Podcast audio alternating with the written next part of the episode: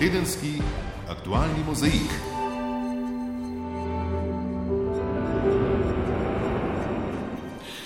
Spoštovane poslušalke, cenjeni poslušalci, lepo pozdravljeni v tokratnem aktualnem mozaiku, v katerem bomo osvetlili in komentirali najpomembnejše dogodke v minulem tednu doma in po svetu.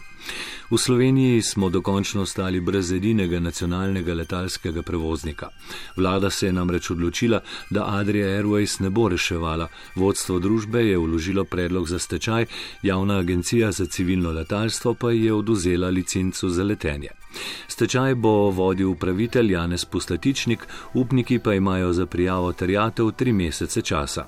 Med njimi je tudi 558 zaposlenih, ki jim je Pustatičnik pojasnil stanje in predvidene ukrepe. Pripravo pogodb o prekinitvi zaposlitve, popisom premoženja, ugotavljanje terjatev in v bistvu najbolj važno je pa tudi premoženje družbe, ki je na podlagi katerega bo potekalo unovčevanje in potem tudi poplačilo upnikov. Kot eno od rešitev, kako naprej, smo slišali tudi za misel o ustanovitvi novega državnega letalskega prevoznika. A predsednik vlade Marjan Šarec je ob tem povdaril, da gre le za možnost brez konkretnih odločitev, predvsem pa brez številk. Zaenkrat eh, nimamo toliko podatkov, eh, da bi lahko že kar danes sporočili kakršno koli odločitev. So pa uslužbenci Adrije po končanem prvenstvu v odbojki opravili zgledno dejanje.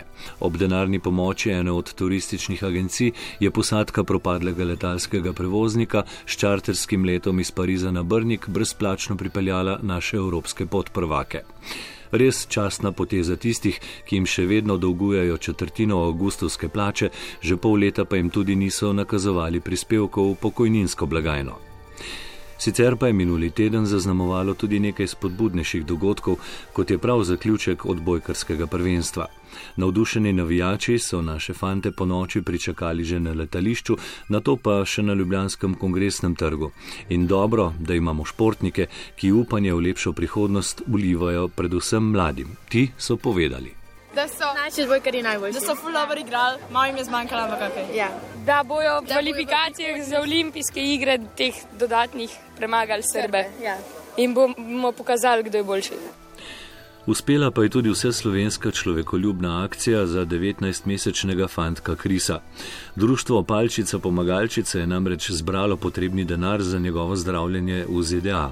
Starši so seveda presrečni, mati Ana Jerak ne vem, če sploh dojemam tega. In jaz in Mateo, oba sva čisto zmedena. Gre se za zmago cele Slovenije, Slovenije in še marsikoga drugega, drugih držav, ki so tudi donirali, do te cifre ne bi nikoli prišli. No.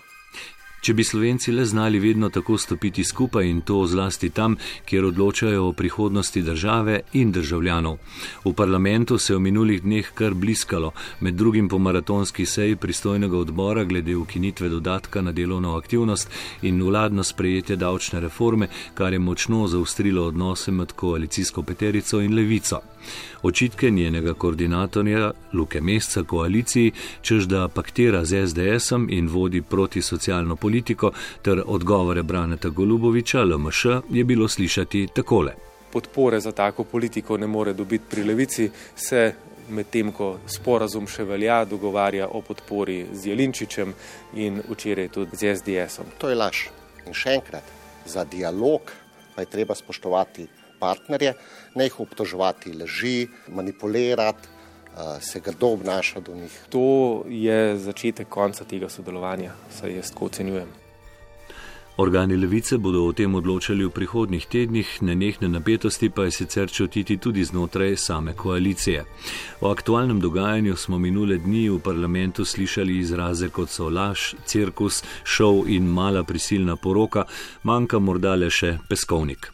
Razmere so resne, to dokazuje tudi današnji poziv predsednika SD in državnega zbora Dejana Židana, v katerem voditele koalicije in partnerje v levici poziva, da se prihodnji teden srečajo in dogovorijo, kako pereča vprašanja na zmeren in trezen način zapreti. In če zdaj skočimo v tujino, tudi v mogočni Veliki Britaniji imajo težave. Tamkajšnji premijer Boris Johnson bo namreč zaprosil Brusel za preložitev Brexita, če do 19. tega meseca ne bo dogovora z Evropsko unijo. Do zdaj je sicer vse čas zagotavljal, da bo njegova država v vsakem primeru 31. oktober zapustila unijo, a se je, kot kaže, moral podrediti zahtevam parlamenta. Med tujimi temami bomo komentirali še nadaljevanje poskusov rušenja ameriškega predsednika Trumpa in vpliv avstrijskih volitev na odnose z našo državo. Glede domačega dogajanja bomo osvetlili še uvire pri vrtanju karavanškega predora, odajo pa bomo začeli z uspešno predstavitvijo slovenskega komisarskega kandidata Jana Zalenačiča v Evropskem parlamentu. Pestra ura je pred nami, zato vas vabimo, da ostanete v družbi prvega programa Radia Slovenija. Tedenski aktualni mozaik. Slovenski kandidat za prihodnjega evropskega komisarja Janez Lenarčič je, kot rečeno, v sredo stopil pred poslance Evropskega parlamenta in prepričljivo opravil prvo zahtevnejšo nalogo na poti k zasedbi komisarskega položaja. Preprečevanje tvegan, boljša pripravljenost in boljše odzivanje bodo trije stebri njegovega vodenja resorja za krizno upravljanje. Ob zavrnitvi oziroma povabilu več kandidatom, da se z dodatnimi pojasnili v novic glasijo pred pristojnimi odbori, pa se po mnenju opazovalcev evropskega političnega prostora izkazuje moč demokratičnega procesa. Luka Rubida.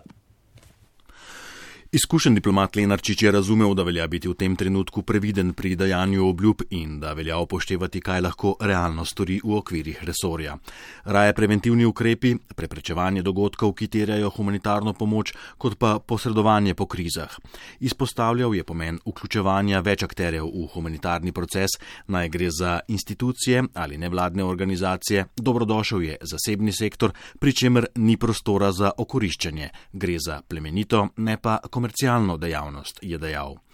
Resor, ki mu je dodeljen, terja izrazito medresorsko usklajevanje, še več partnerstvo med institucijami. Kandidat ni pozabil, da ima Evropski parlament težo pri odločanju o proračunskih zadevah. Na poslance je premišljeno naslovil poziv k podpori tretjinskega zvišanja sredstev za humanitarno pomoč. Lenarčič se je skratka temeljito lotil priprav na dodeljeni mu resor kriznega upravljanja. Kdor je mislil, da je njegov resor enostaven, se je lahko ob poslušanju zagovora prepričal prepričal o nasprotnem. Jaz sem bil z zaslišanjem zadovoljen, ker so bila vprašanja tehtna, nekatera tudi zelo uh, zahtevna. Uh, poskušal sem seveda odgovoriti uh, v skladu s svojimi prepričanji.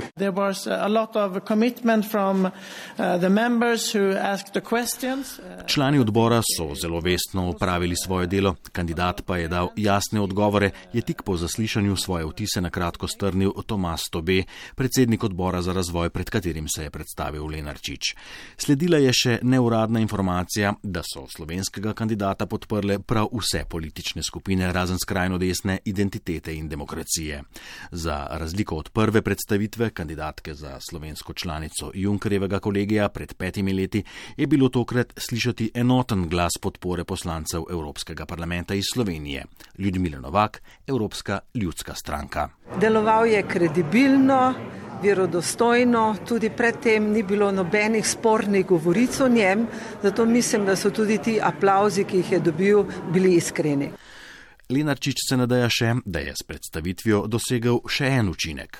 In upam, da se bo zdaj um, povečalo soglasje glede dejstva, da je to pomemben resor, da je to resor s pomembnim plemenitim poslanstvom pa tudi, da ima politično težo. Bolje rečeno, da jo bo potreboval. Namreč Lenarčič je povdaril, da vse več dogodkov, ki vodijo k nuji po humanitarni pomoči, izvira iz krhanja multilateralne svetovne ureditve in tu bo potrebne veliko politične spretnosti. Dr. Jure Požgan z Fakultete za družbene vede. To je tudi resor, ki mislim, da zelo dobro opiše to, kar je uh, predsednica komisije von der Leyenova uh, imela v mislih, ko je govorila o tem, da bo njena komisija bolj geopolitična.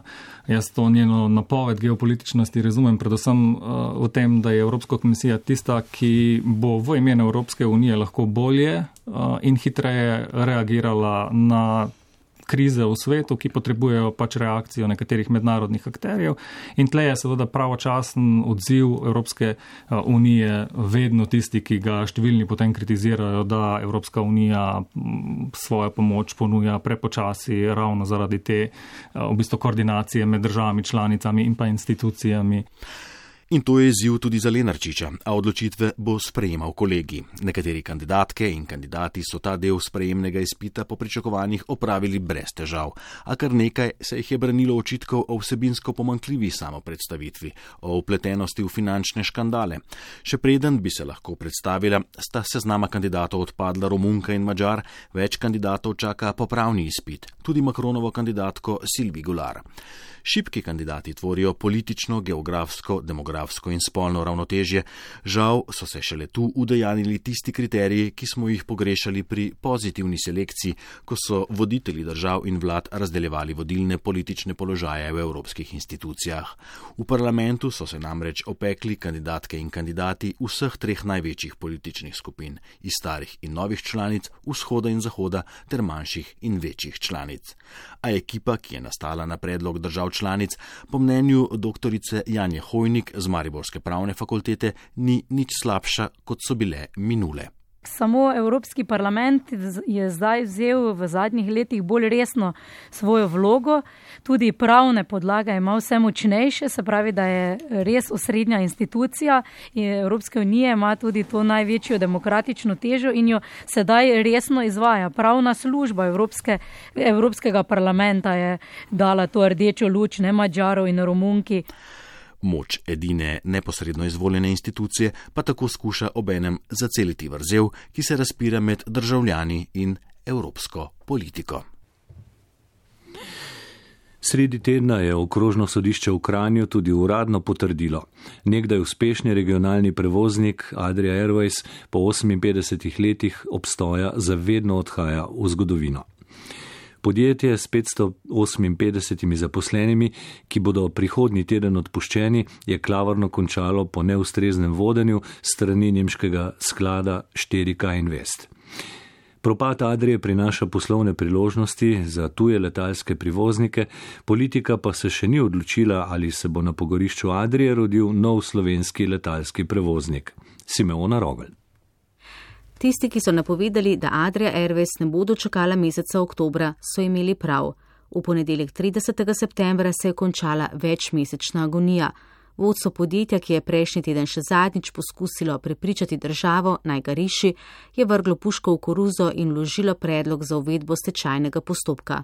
Stečaj Adrije je bil edina možnost, ker bi denar, ki bi ga dali tujemu lastniku, vrgli stran, je pojasnil predsednik vlade Marjan Šarec. Lastniki so bili zelo neodgovorni, zdaj je prišlo do stečaja. Eh, žal mi je za zaposlene, žal mi je, da je eh, naša družba, ki je eh, bila del našega tudi nacionalnega sistema, da je tako klavrno propadla. Zdaj, zakaj je bila takrat prodana za en evro plus še tri milijone evrov danih za popotnico, težko ocenjujem.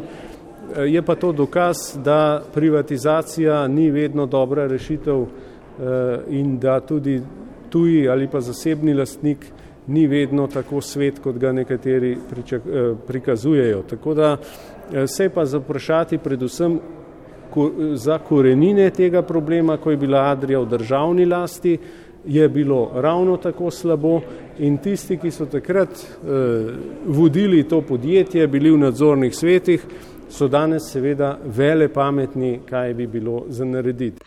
A za nazaj ni mogoče ničesar spremeniti. Adrije ni več, stečajni postopek uradno že teče, upniki imajo tri mesece časa, da prijavijo svoje terjatve, upravitelj Janez Postatičnik o prioritetah, ki čakajo njegovo ekipo. Smo se odločili, da bomo nekaj časa gotovo tudi mi vsakodnevno na tej lokaciji izvajamo že tudi eh, popis in aktivnosti za inventuro premoženja ter ugotavljanje stečajne mase. V roku štirih mesecev pa moramo podati eh, skladno z zakonodajo otvoritveno poročilo. Takrat bo tudi več znanega in bomo lahko bolj podrobneje govorili o sami obsežnosti stečaja.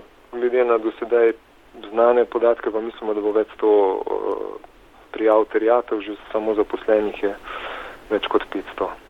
Zaradi propada prevoznika bodo brez službe ostali piloti, stevrdese ter številni zaposleni v operativi in administraciji.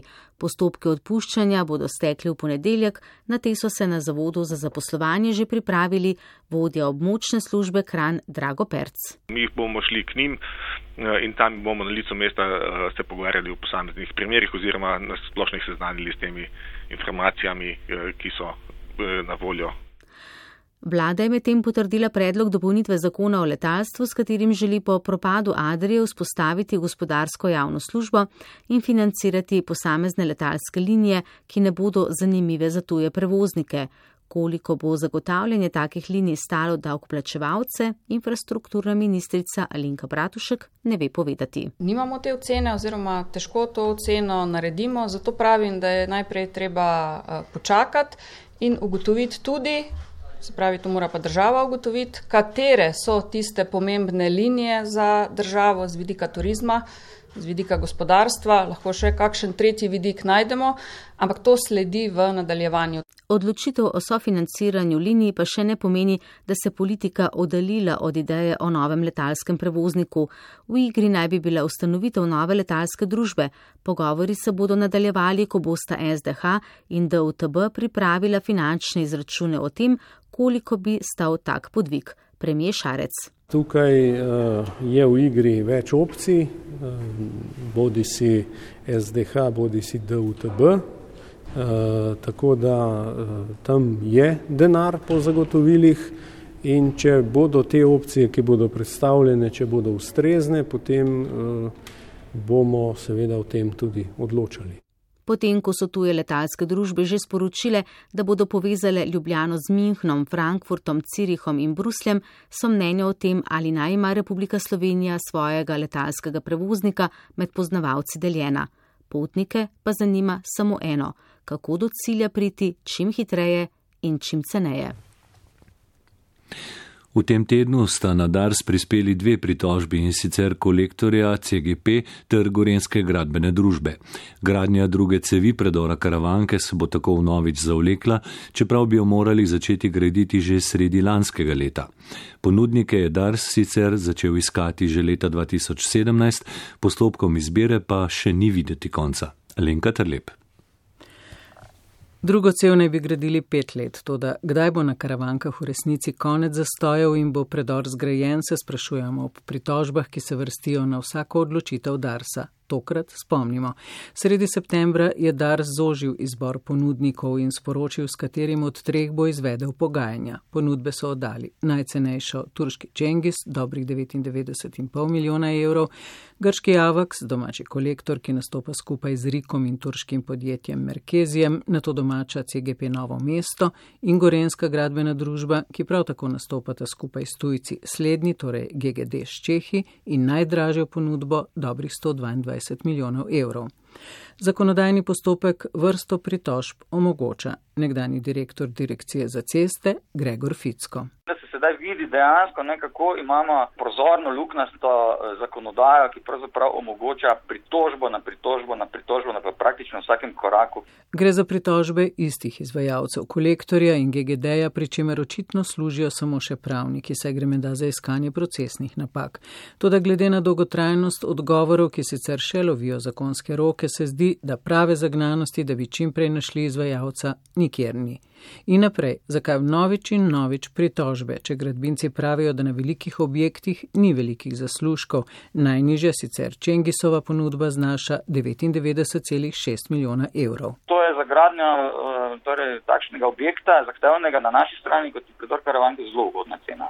Boj za karavanke je namreč boj za reference. Skupaj s propadom gradbeništva v Sloveniji so z njim propadle tudi reference, zato naši izvajalci nastopajo skupaj s tujci v želji, da jih ponovno pridobijo. Poleg tega je od časov to vrstne gradnje, za katero sta bila usposobljena SCT in Primorje, minilo več kot deset let. Sicer pa je bil zadnji predor Škofjeloški zgrajen v dolžini 700 metrov, medtem ko je referenca za karavanke 2000 metrov. Gospodarska zbornica Jože Renar.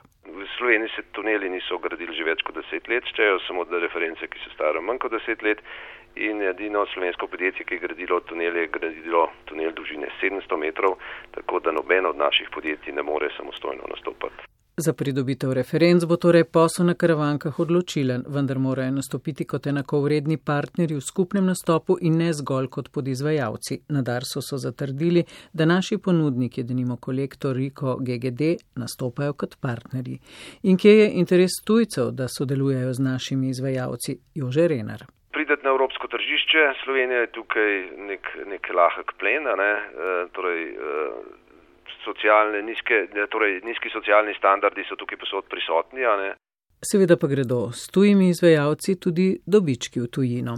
Zaslužek pri gradnji tako velikega objekta, kot je Karavanška druga cev, je torej relativno majhen, težavnost pa velika, saj so v investicijo uprte vse oči javnosti, pogleduje jih politika. Težavnost pa bo velika tudi zaradi težke geologije in hidrologije, ki se začenja prav na naši strani. Se vsi tistega zruška, ne, ki je pravzaprav gradnjo dobesedno ustavil za več mesecev, ne, potem bomo imeli na naši strani težave. Ne.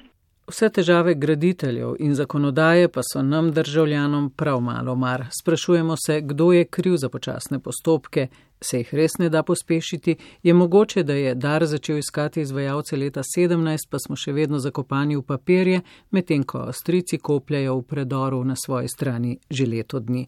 Konco konce v tej državi z izjemo odseka Gruškov je že desetletje nismo imeli večjih državnih investicij.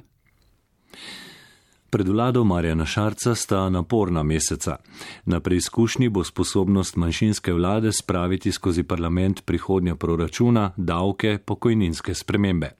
V prvem letu na oblasti se je zaletela z zviševanjem izdatkov na vseh področjih, zdaj, ko je denarja za deliti nekaj manj, pa se sooča tako z napetostmi znotraj koalicije, kot tudi s pogojevanji pogodbene levice. In davčne spremembe so samo sprožilec tega nezadovoljstva, ugotavlja Zdenka Bakalar. Prisluhnimo. Davčne spremembe so dobre, zaposlenim bo od plača ostalo več, sporoča finančni minister Andrej Bertoncel. Cilj seveda je tu, da zaposleni dobijo več, torej višji neto in v tem delu se država odpoveduje. Torej, zasledujemo blaginjo in socialno varnost kot prvo in drugič nanašajo se tudi na naša podjetja. S tem mislimo, da bo naša podjetja konkurenčnejša, da bodo lahko nadgradijo svoj najproduktivnejši, najboljši kader in tretjič imeli smo v mislih tudi javne finance. Torej, celoten sklop paketa, vključno z tako imenovanimi mehkimi ukrepi, je v nekem smislu javnofinančno neutralen. Više neto plače od 130 do 2000 evrov na leto, odvisno od višine zaslužka, je sprožil silovit odziv pogodbene levice. Ta bi namesto davčnega darila zaposlenim denar hotela porabiti za svoj projekt ukinitve dodatnega zdravstvenega zavarovanja. Za oba projekta za zdaj ni finančnih možnosti, izključujeta se tudi vsebinsko, s tem pa tudi pogodbeni odnos z levico, Luka Mesec. To so politike, v kakršnih pač se nismo dogovarjali. Eh, to je odmikanje od vseh dogovorov, eh, ki smo jih eh, med vlado in levico sprejeli. In o tem bodo v kratkem govorili tudi organi levice, če je sodelovanje s tako vlado še mogoče. Kdo bo popustil, bo levica razdrla sodelovanje ali bo vlada pristala na spremembe davčnega svežnja zgolj zato, da na svoji strani zadrži levico? To je vprašanje, ki očitno razburja tudi vladne stranke. SAP in DESU želite v proračunu več za upokojence, drugačen letni dodatek in izredno uskladitev pokojnin, tudi če bo rast nižja od treh odstotkov. V LMŠ-ju, stranki, ki je uspelo sestaviti manjšinsko vlado, nič diplomatsko o omenjenih zahtevah volitvah, Brane Golubovič. Tako SAP kot Desus imata možnost še danes, da predlagata znotraj koalicije, da prevzameta to ministrstvo in prevzameta odgovornost za to področje. Kolikor vem, Desus nikoli v tej svoji 15-letni, 20-letni zgodovini parlamentarni ni prevzel tega ministrstva in ni prevzel iskreno uh, odgovornosti za upokojence. Napito se bo stopnjevala vse do trenutka, ko bo na vrsti glasovanja o proračunu. Po enem letu vladanja ni osnovne notranje kohezije med koalicijskimi strankami. Prioritete vlade nejasne, za nameček pa so se na začetku zaleteli in razdelili vse, kar se je dalo. Zdaj imajo na voljo nekaj manj in že nemir med vladnimi strankami. Poleg tega projekte, ki se jih lotijo, vodijo zelo nespretno, naprimer davčno, pokojninsko, delovno zakonodajo. Omenjeni zakonski predlogi prinašajo izboljšanje tako za zaposlene, upokojence, kot tudi brezposelne, torej zvišujejo odhodke, pa se še vedno zatika, zlasti pri davčni. In zato ne preseneča, da je predsednik vlade Marjan Šarec minuli teden sporočil, da nepremičninskega davka ne bo. Mislim, da v tej konstelaciji ta vlada ni sposobna sprejeti nepremičninskega davka, to lahko odkrito povem in uh, se ga niti ne bomo lotili, zato ker verjamem, da uh, ne bo posluha pri vseh uh, in da, da nima smisla riniti v nekaj, kar bo na koncu spet padlo, ker ne verjamem, da bo dosežen konsens. Predsednik vlade bo moral zagotoviti vsaj minimalni konsens za potrditev proračunskih dokumentov, brez tega vlade ni. Vezno tkivo šibke manjšinske vlade pa je edino koalicijska pogodba, ta pa je finančno izredno zahtevna. In v to, da ne bo možno vsega izpeljati, bo moral prepričati svoje koalicijske partnerje. Od njegove prepričljivosti na eni strani in preračunljivosti voditeljev koalicijskih strank na drugi bo odvisno trajanje te vlade medtem pa se bo zatikalo ob vsakem zakonu, ki ga bo vlada sploh uspela posredovati v državni zbor. Tedenski aktualni mozaik. V Avstriji so imeli v nedeljo zvezdne parlamentarne volitve, na katerih je zmagala ljudska stranka s 37,5 odstotka glasov. Na drugem mestu so bili socialdemokrati, na tretjem pa svobodnjaki, ki so zaradi afere Ibisa doživeli velik neuspeh. V parlament sta prišli še stranka Neos in Zeleni, med poslanci Zelenih pa bo odslej v zvezdnem parlamentu tudi koroška slovenka Olga Voglavar. Z njo se je pogovarjala Petra Kos Gnamuš. Nova zvezdna poslanka Olga Foglauer je na listi stranke zelenih kandidirala na prvem mestu na deželjni ravni na avstrijskem Koroškem in na sedmem mestu na zvezdni ravni. Dovolj glasov je zbrala že kot vodja koroških zelenih. Tudi sicer so zeleni na volitvah doživeli izjemen uspeh. Dobili so 13,9 odstotka glasov in so resni kandidati za vstop v novo zvezdno vlado. O tem, ali bi šli v koalicijo z ljudsko stranko, je Olga Foglauer povedala. Ja, vse, kar se matematično izide, ni vedno najboljša rešitev. Trenutno si vzamemo čas ta teden, da analiziramo ta rezultat, da si tudi pogledamo, um, kako želimo sami naprej. Vsi gremi sedaj zasedajo in um, ja, v naslednjih tednih bomo videli, kako se bo tudi znala ljudska stranka um, ponovno postaviti, nekje nam lahko pride nasproti. Um, mislim, da je tam veliko nalog in um, ja, počakajmo še par dni. Mnogi avstrici so mnenja, da bi bil čas, da zeleni vstopijo v vlado. Zaradi podnebnih sprememb bi bilo treba politiko usmeriti v reševanje te problematike. Uh, s tem smo nastopili. Ne? Kot zeleni smo rekli, končno mora Avstrija se lotevati vseh teh vprašanj, kako zaščito našega podnebja spraviti tudi v zakonsko obliko, spraviti do tega, da ljudje ne bomo plačevali in stradali več, temveč le obratno spremenili naše gospodarjenje, spremenili naš davčni sistem. Um, s tem smo tudi zmagali pri teh volitvah, kajti uh, verjamem, da je to bila tista tema, zakaj so nas ljudi vodili. Ko pa greš v politično vsakdanjost, pa je treba imeti tudi enakovredne in transparentne transparentne partnerje. In bomo videli, ali nam bo to sedaj prihodnost prinesla. In vprašanja slovenske narodne skupnosti na avstrijskem Koroškem, koliko se bo zauzemala za rešitev aktualnih težav. Številne manjšinske organizacije so ji že čestitele in seveda upajo, da bo odslej več posluha tudi za manjšino. Za manjšinska vprašanja me pa najbolj veseli, da imamo sedaj močno govornico z mano tudi pri zelenih v državnem svetu, v državnem parlamentu, kajti ravno manjšinska vprašanja glede Koroške in pa tudi Gradiščanske, pa tudi Dunaja niso rešena. Zadnjih 20 let ni šlo veliko naprej, imam veliko dela in zelo se že veselim, veselim na to, predvsem pa, da bomo spet javnost ozavestili o tem, kako pomembne so te avstrijske narodne skupnosti za nas kot družba, za nas kot država. Od biokmetice do zvezdne poslanke zelenih Olgi Foglauer je uspel velik preskok v njeni politični karieri. Doslej je bila občinska odbornica enotne liste, vodenje koroških zelenih pa je prevzela šele pred nekaj meseci. Se mi zdi, da je kmetijstvo osnova vsega, ne? kajti to je ena generalna panoga, ki prinaša toliko izkušenj, ki mi bojo sedaj prišle prav. Ena glavnih pa ta, da sem res na tleh z mojimi nogami in so dušo in telesom uh, povezana z domačo zemljo na Koroškem, tudi z manjšinami in to vse bo dobro vplivalo tudi na Dunaju. Pogajanja glede nove vlade se bodo verjetno še nadaljevala nekaj tednov. Kot vse kaže, bodo zeleni trd oreh za bodočega kanclerja Sebastiana Kurca, saj jim ni treba v vlado za vsako ceno, pravijo.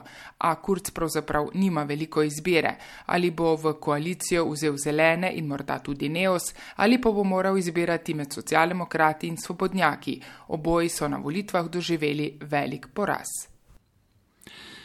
Donald Trump je četrti ameriški predsednik, ki se sooča z grožnjo od poklica.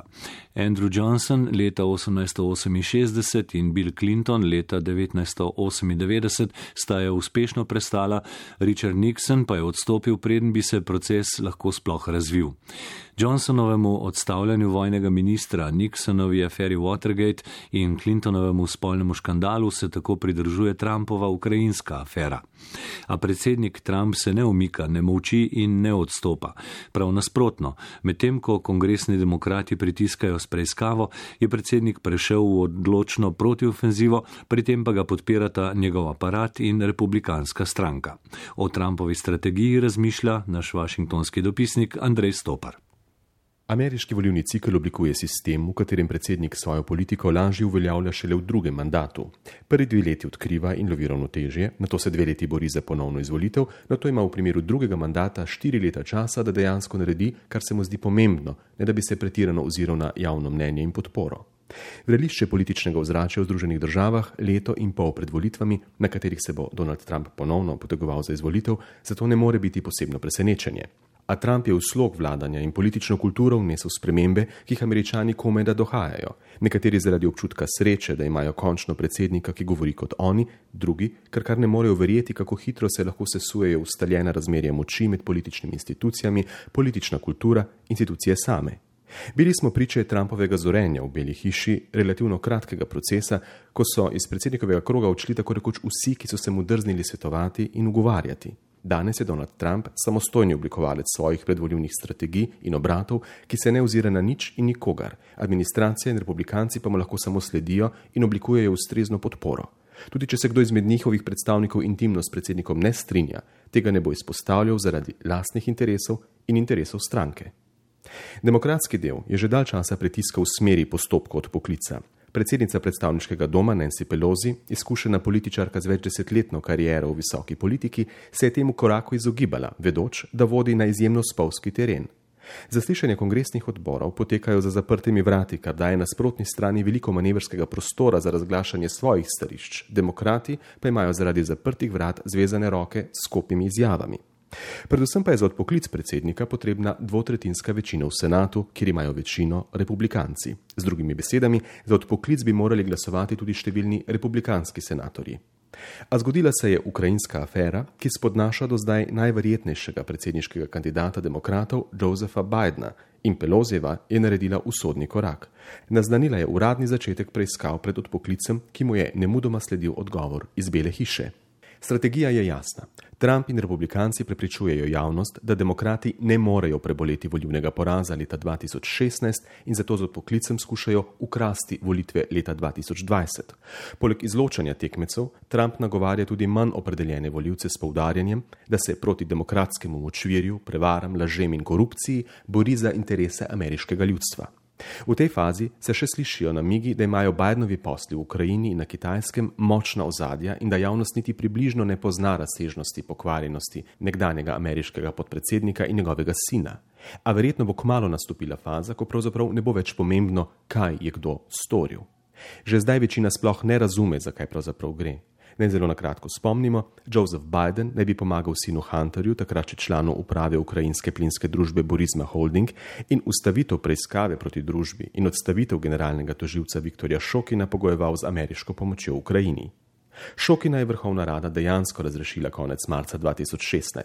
Konec julija letos pa je predsednik Trump v telefonskem pogovoru z ukrajinskim predsednikom Volodimirjem Zelenskim izrazil pričakovanje vrnitve usluge za izdatno ameriško pomoč z uvedbo preiskave proti Hunterju Bidenu in Zelenskega napotil na svojega odvetnika Rudolfa Giulianja, ki je večkrat obiskal Kijev, ter pravosodnega ministra Williama Bara.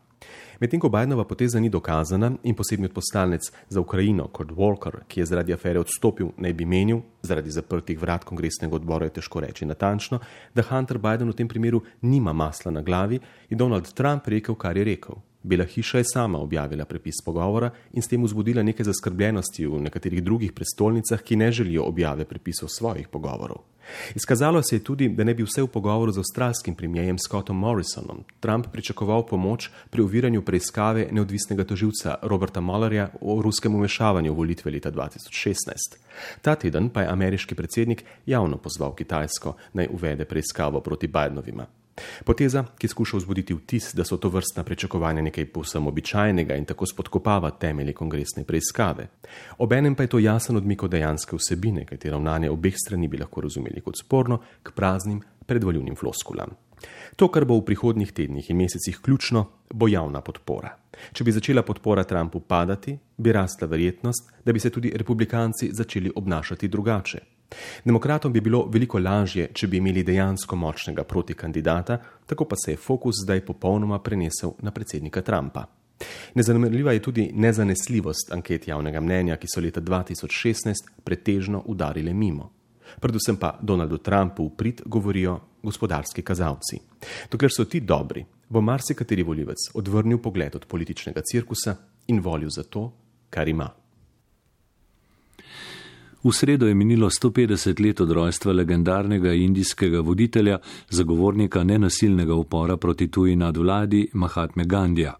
Njegove ideje miroljubnega boja so navdihnile gibanja za neodvisnost v številnih državah, ob obletnici pa so se njegovemu spominu poklonili v Indiji in drugot po svetu.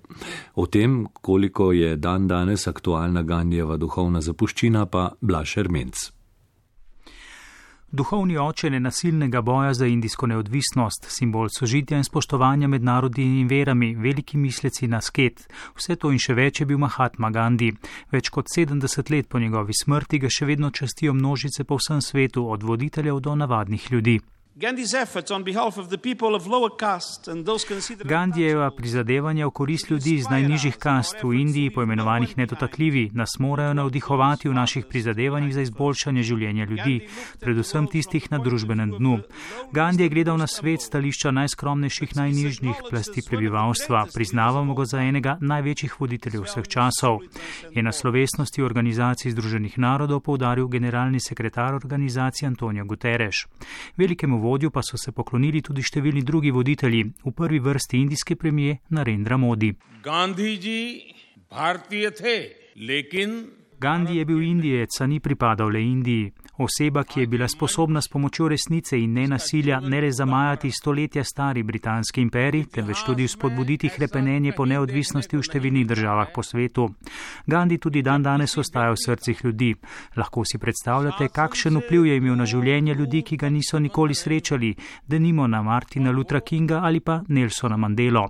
Tako indijski premije modi, a kljub zanosnim besedam politikov se današnji svet vse bolj odmika od Gandijeve zapuščine. Sodelovanje med državami in narodi, strpnost, miroljubno reševanje sporov, vse to se umika konfliktom, sebičnim nacionalnim interesom in populizmu. Pregrade med državami in med ljudmi ne padajo, temveč se višajo. In tudi v Gandijevi tako ljubljeni Indiji se v zadnjem obdobju zaostrujejo napetosti. Vladajoča nacionalistična hindujska stranka Baratija Džanata, premijeja Modija, ki se tako rad sklicuje na Gandijevo dediščino, je pred dvema mesecema nepričakovano odpravila avtonomijo indijskega dela Kašmirja, kjer živijo večinoma muslimani. Namesto strpnosti in razumevanja je Kašmir preplavila množica vojakov in policistov.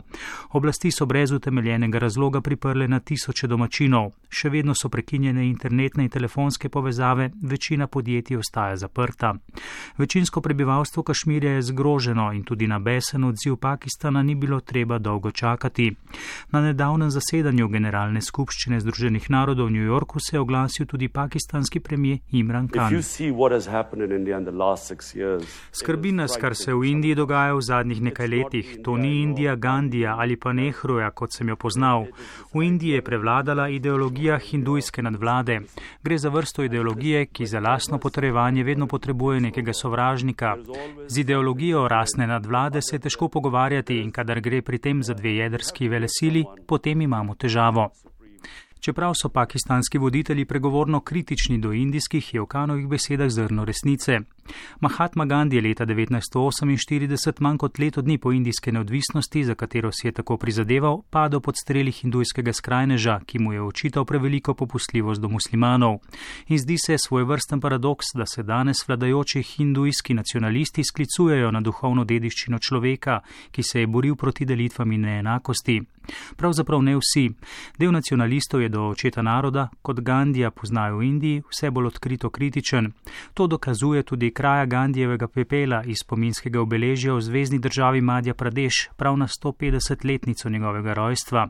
Neznanci so ob tem z barvo zamazali njegovo fotografijo in pripisali besedo izdajalec. Večina Indijcev pa je do Gandija predvsem ravnodušna. Včasih, kot tudi v tej državi, s tako močno duhovno tradicijo prevladuje potrošniška miselnost, je Gandhi prepoznaven predvsem kot oseba z bankovcev indijske nacionalne valute rupije. Tedenski aktualni mozaik. Zgodba dobrodelne akcije za pomoč pri zdravljenju 19-mesečnega Krisa Zudiča je zagotovo do korenin zaznamovala slovensko javnost. Le v nekaj dneh je tako rekoč pri vseh zbudila občutek za odgovornost in sočutje. Skoraj enako odmevna je bila novica, da bi lahko bil zbrani denar obdavčen. Splet, prej poln upanja in občutka sreče, je kmalo dal vetra žaljivim, številnim brez imen in obrazov. Zgodbo povzema Mateja Brežan. To je zmaga cele Slovenije, to ni samo naša zmaga. Že dosti krat sem slišala, Kris je malo od vseh. Ne? Kris je v pičlem tednu dni postal otrok vseh, pravi njegova mama Ana Jerak. Zbranimi skoraj 4 milijoni evrov za zdravljenje najhujše oblike spinalne mišične atrofije v Združenih državah Amerike ni povezal zgolj Slovenije. Zdaj urejamo papirologijo, upam, da bomo čim prej in pol nam bojo dali nadaljne napotke, kako in kaj. Po aplikaciji zdravila mora biti otrok pod strogim zdravljenjem zdravniškim nadzorom, koliko časa bo to, pa bodo oni pol povedali naknadno. V humanitarno akcijo Podari življenje se je vključila tudi tujina, društva, podjetja in posamezniki, bolj ali manj javnosti znani obrazi. Predvsem pa množica anonimnih z eno samo željo, da zmagajo otroci, ki potrebujejo pomoč. To me ne preseneča, pravi psihiatrinja in pediatrinja predsednica slovenske filantropije Anica Mikuš Kos. Slovenci znamo biti zelo, zelo solidarni in ob tem dogodku je človeku toplo pri srcu in seveda še posebej si lahko zamišljamo zadovoljstvo staršev tega fantka. Ob tem, da konkretno otroku bo pomagano, to je najbolj pomembno, in drugo ob tem, da so se ljudje tako odzvali na njihovo stisko. Jaz sem razmišljala o tem tudi v neki širši perspektivi, recimo nacionalni perspektivi. Človek je ponosen, se dobro počuti, da je član take skupnosti.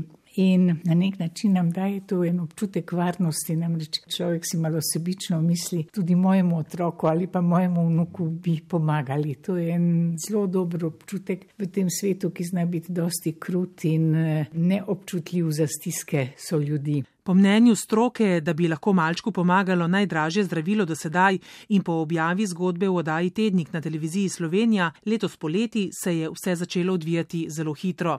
Krisova starša sta do takrat že iskala pomoč. Uloge na Zavod za zdravstveno zavarovanje Slovenije nista dala, sta pa za oporo izbrala mlado društvo Palčica pomagalčica in dobrodelni škratki. Vodita ga osnovnošolski učiteljici. Ena je Larisa Štoka. Upali smo, vendar si v najlepših sanjah ne bi upali sanjati nečesa takega, kar se je dejansko potem zgodilo. Še prvo jutro po prvi objavi smo jokali za prvih 8000 evrov, tako da se je potem znesek iz sekunde v sekundo večal. Zato smo se odločili, da bomo tudi javnost vedno sprotno in transparentno v vsakem znesku tudi obvestili. Najprej bo šlo seveda za krisa, počakali boste, da je zdravljenje nekako zaključeno in potem se boste odločili. To so seveda odločitve, ki bodo tehno premišljene. Ne? Tako je, mislim, da so to ene lepših odločitev, da imamo tukaj znesek, da bomo lahko mnogim otrokom risali na smehe na obrazih, kajti to je tudi naše poslanstvo oziroma vizija našega majhnega, majhnega društva. Želja po pomoči je velika, izkušnje so skromne. Društvo namreč še nima statusa humanitarne organizacije in mu je zato zagrozila obdavčitev zbranega denarja. Za iskanje rešitev se je zavzel tudi premije Marjan Šarec. Zagotovo ni v interesu nikogar normalnega, da bi želel na vsak način pobrati ta davek, je zatrdil. Država bi, po poročanju nekaterih medijev, namreč lahko vzela 1,9 milijona evrov. Larisa Štoka skuša pomiriti strasti smo se obrnili na Centr nevladnih organizacij Slovenije. Že v začetku naslednjega tedna se bomo sestali in skupaj preučili davčne posledice. Smo zelo optimistični. Zadevo so se prek družbenih omrežij odločili pojasniti tudi na finančni upravi Republike Slovenije, kjer so, mimo grede, tudi zbirali za krisa. Pomembna je pot zbranega denarja, pojasnjujejo. Društvo brez humanitarnega statusa lahko sredstva nakaže druge organizaciji, ki tak status ima. Ta pa denar na to nakaže posamezniku, za katerega se je zbiralo, torej ne neposredno krisu ali bolnišnici. Na tak način bi lahko dobrodelno akcijo izpeljali uspešno in brez davčnih obveznosti. Tedenski aktualni mozaik.